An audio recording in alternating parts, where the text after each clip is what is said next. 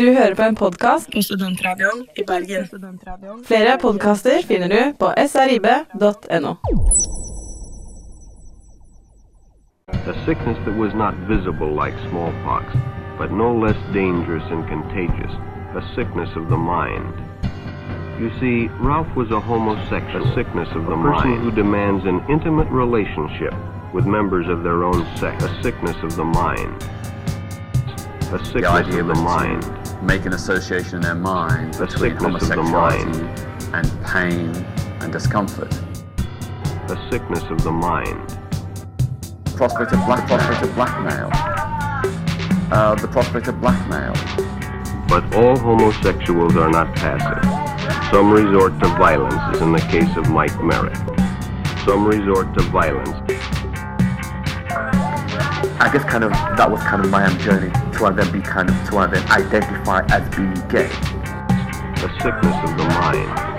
Du hører på historier ut av skapet på Studentradioen i Bergen, som er en radiodokumentar om homohistorie. I forrige episode hørte vi om verdenskrigene og etterkrigstida i England. Krigstida hadde på mange måter betydd ei blomstring for homoseksualitet. Soldater fikk merke at det var andre holdninger og regler under den vanskelige krigstida enn hjemme. Vi hørte òg om undertrykking og forfølging i etterkrigstida, da myndighetene og kirka ville slå tilbake mot de ettergivende holdningene fra krigstida. Men likevel var det etter hvert kirka som var initiativtaker også for dekriminalisering av homofili.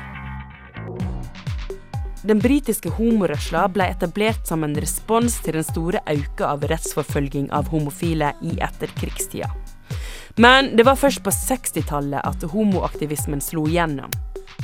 I dagens episode av Historia ut av skapet skal vi lære mer om homoaktivismen og den seksuelle revolusjonen på 60- og 70-tallet. I England og i USA. Vi sparker i gang sendinga med den stemningssettende sangen 'Rights for Gays' av artisten John Mouse. Rights for gays, oh yeah. Right, right now, rights for gays, oh yeah.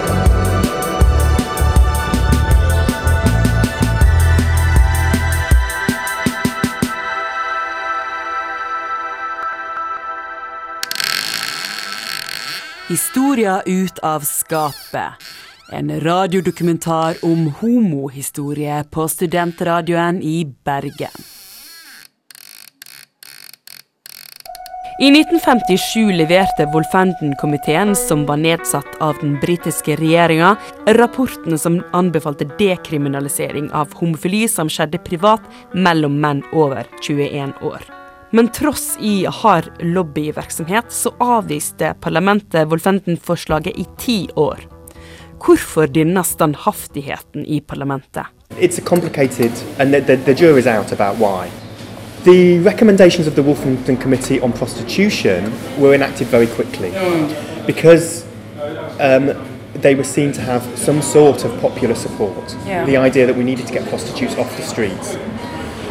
The problem with homosexuality was that there was a lack of confidence in government and in the opposition, the Labour opposition at the time, um, that it wouldn't be a vote loser. Mm. Um, because if on the one hand the measures towards homosexuality were also a kind of a kind of attempt to get homosexuality off the streets, mm. it was also, of course, legalising it yeah. on some level. Mm. Um, and I think both the Labour Party and the Conservative Party were worried that they would lose votes. Mm. Um, and so the Tory government stalled and batted it around. And there wasn't enough popular pressure. Mm. There wasn't enough of a push. De ti lange åra til legaliseringa av homofili hadde altså en del å gjøre med at både regjeringa og opposisjonen var redde for å tape stemmer på å gå inn for homosaker. Men hva var det da som endelig gjorde utslaget i 1967 og fikk regjeringa til å endre lova? What happened with the Labour government who ultimately passed the measure is that they were riding on a popular liberal agenda, um, which was seen to be changing the face of British society. So before the Act on the law on homosexuality, we had the partial decriminalisation of abortion, we had the a change in the um, divorce laws. Um, and so this was very much seen to be in line Yeah. with a liberal agenda, um, which by 1967 um, the government felt it could get through without a backlash. And there'd also been s- been a growing amount of publicity. There was a growing pressure from the Homosexual Law Reform Society um, which was making the case more and more articulately. And that was really happening, didn't really get going until the 1960s. Det hjalp på med økt aktivitet i homorørsla, og at populærkulturen tok til seg saka. Kanskje spesielt innflytelsesrik var filmen 'Victim' fra 1961, om en homofil mann som ble utsatt for utpressing. Det var for øvrig Dirk Bogarde, som sjøl var homofil, som spilte tittelrolla. So you were beginning to get the case being made in the arts, you were getting the case being made hmm. um, in pressure groups. There were some indicators in opinion polls that hmm. uh, people weren't so totally against it. Hmm. And then in addition, you had this, in many ways, reformist government. So I think what happened is that there was a cautiousness initially, which then gave way to a certain confidence that this measure, you know, could um, um, could gain some, some, some support and some popular support. Den reforminnstilte Labour-regjeringa på det sene 60-tallet begynte alt å kjenne på at holdningene i folkedypet var klare for ei lovendring. Regjeringa som ga de homofile dekriminalisering, forventa nå takknemlighet fra de homofile. Men Gay Liberation Front ga dem noe ganske annet. De ville ikke lenger være usynlige. Gay Liberation Front og andre homoaktivistgrupper både i USA og i England kravde å bli sett for de de var, og de var budde på å ta det som kom av skitkasting.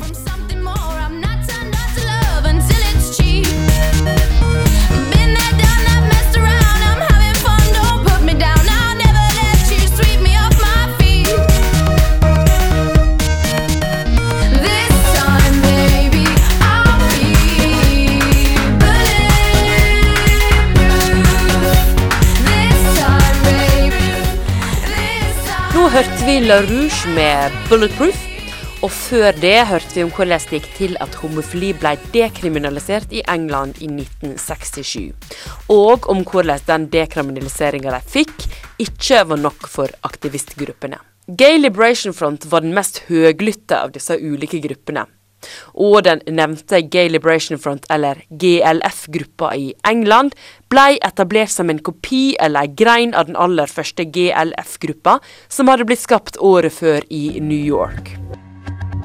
New York-gruppa ble etablert etter en tre dagers hard kamp med politiet, som har fått status som homorørsla sin Rosa Parks-handling.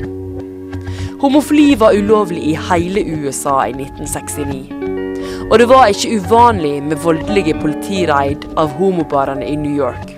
Men 27. juni i 1969 hadde kundene på Stonewall Inn fått nok av denne behandlinga. Aggresjonen mot politiet kokte over med mynter, flasker og steiner. Nå skal vi høre et lite utdrag fra filmen Stonewall Uprising. People talk about being in and out now. There was no out, there was just in. It was as if they were identifying a thing. is faggot, is sissy, queer. Stonewall Bar was right in the center of where we all were. We were at the back of the room. The police started coming in, uh, raiding the bar. First police officer that came in with our group said the place is under arrest. When you exit, have some identification. This time they said we're not going. That's it. We're not going. Something snapped. It's like, what's this? Is, this is not right. And then more police came. All of a sudden, pandemonium broke loose. I mean, this was the Rosa Parks moment, the time that gay people stood up and said no. It was thrilling. It was the only time I was in a gladiatorial sport that you know I, I, I stood up in. I was proud. I was a man. In the civil rights movement, we ran from the police. That night, the police ran from us. And it was fantastic. There was no going back. We had discovered a power that we weren't even aware that we had. Hovedsaka til GLF var at det skulle bli slutt på forfølginga av homofile. Men det hadde òg ei breiere politisk plattform. I tråd med den seksuelle revolusjonen som det var en del av, gikk dette angrep mot kjernefamilien og de tradisjonelle kjønnsrollene. De var uttrykte antikapitalister, og de fordømte rasisme og erklærte støtte til kamper i den tredje verden. En av stemmene vi hørte fra filmklippet nettopp, var Jerry Husey. Husey var med å etablere GLF i New York, og jeg snakka med han om det som skjedde i tida etter Stonewall-opprøret. Han mener at selve opprøret ikke ville ha fått noe særlig å si uten organiseringa som skjedde i etterkant. I always say if if it had just been the riot or the uprising, or whatever you, want to call it, if it had just been that, um, I don't think much change would have happened.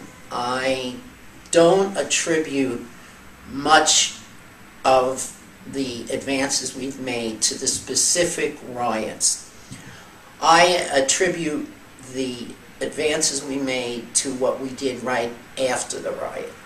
Uh, within a week or so, I was part of a group of militant, militant at the time, gay people. Hvem var det som var med i denne radikale, militante homorørsla? Within a week or two, we formed an organization, and I was one of the founders of it, called uh, Gay Liberation Front, better known as GLF. And um, GLF was a pretty wild scene. The good thing about it is it was women, men, transsexuals, transgendered. It was everything. It was it was the whole gamut of the LGBT community at the beginning of GLF. And um, we set about to change the world, and we did. And I consider that first year between um, the Stonewall uprising riots, uprising slash riots, and the first march, which was a year later, which I was involved in putting together. I consider that first year, I call it from the De ville shadows forandre to verden, sunlight. og Hus mener at de fikk det til. De gikk fra skygge til sollys, og fra smug til stolthet. The nights of Stonewall, we were in the shadows. We were fighting back, throwing rocks behind trees, in the dark, as we had always been. One year later, we marched in the sunlight up to Central Park, into the sheep meadow, um, proudly in your face, and um, it, it, it was just a remarkable year. And, and it was the year that changed our, our, our, our future and our history. Var det aksept de homofile og transene søkte da de kom fram fra bakgatene? Accepted to me is the dirtiest word in the gay uh, lingo. I'm not looking to be accepted. I am me. I am proud of what I am. And there were a lot of people back then that felt the same way. So, so we set about to form an organization that was going to encourage uh, pride in ourselves, uh, was going to encourage absolute equal rights between uh, the gay community and the heterosexual community. We were going to um, push for uh, changes, and if we couldn't get changes, we were going to demonst- demonstrate, put ourselves out there, and put ourselves in danger. Look, we had been in danger for, forever to begin with. Every night when we walked out into the street, we were in danger. So now we were putting ourselves out there in danger for a reason.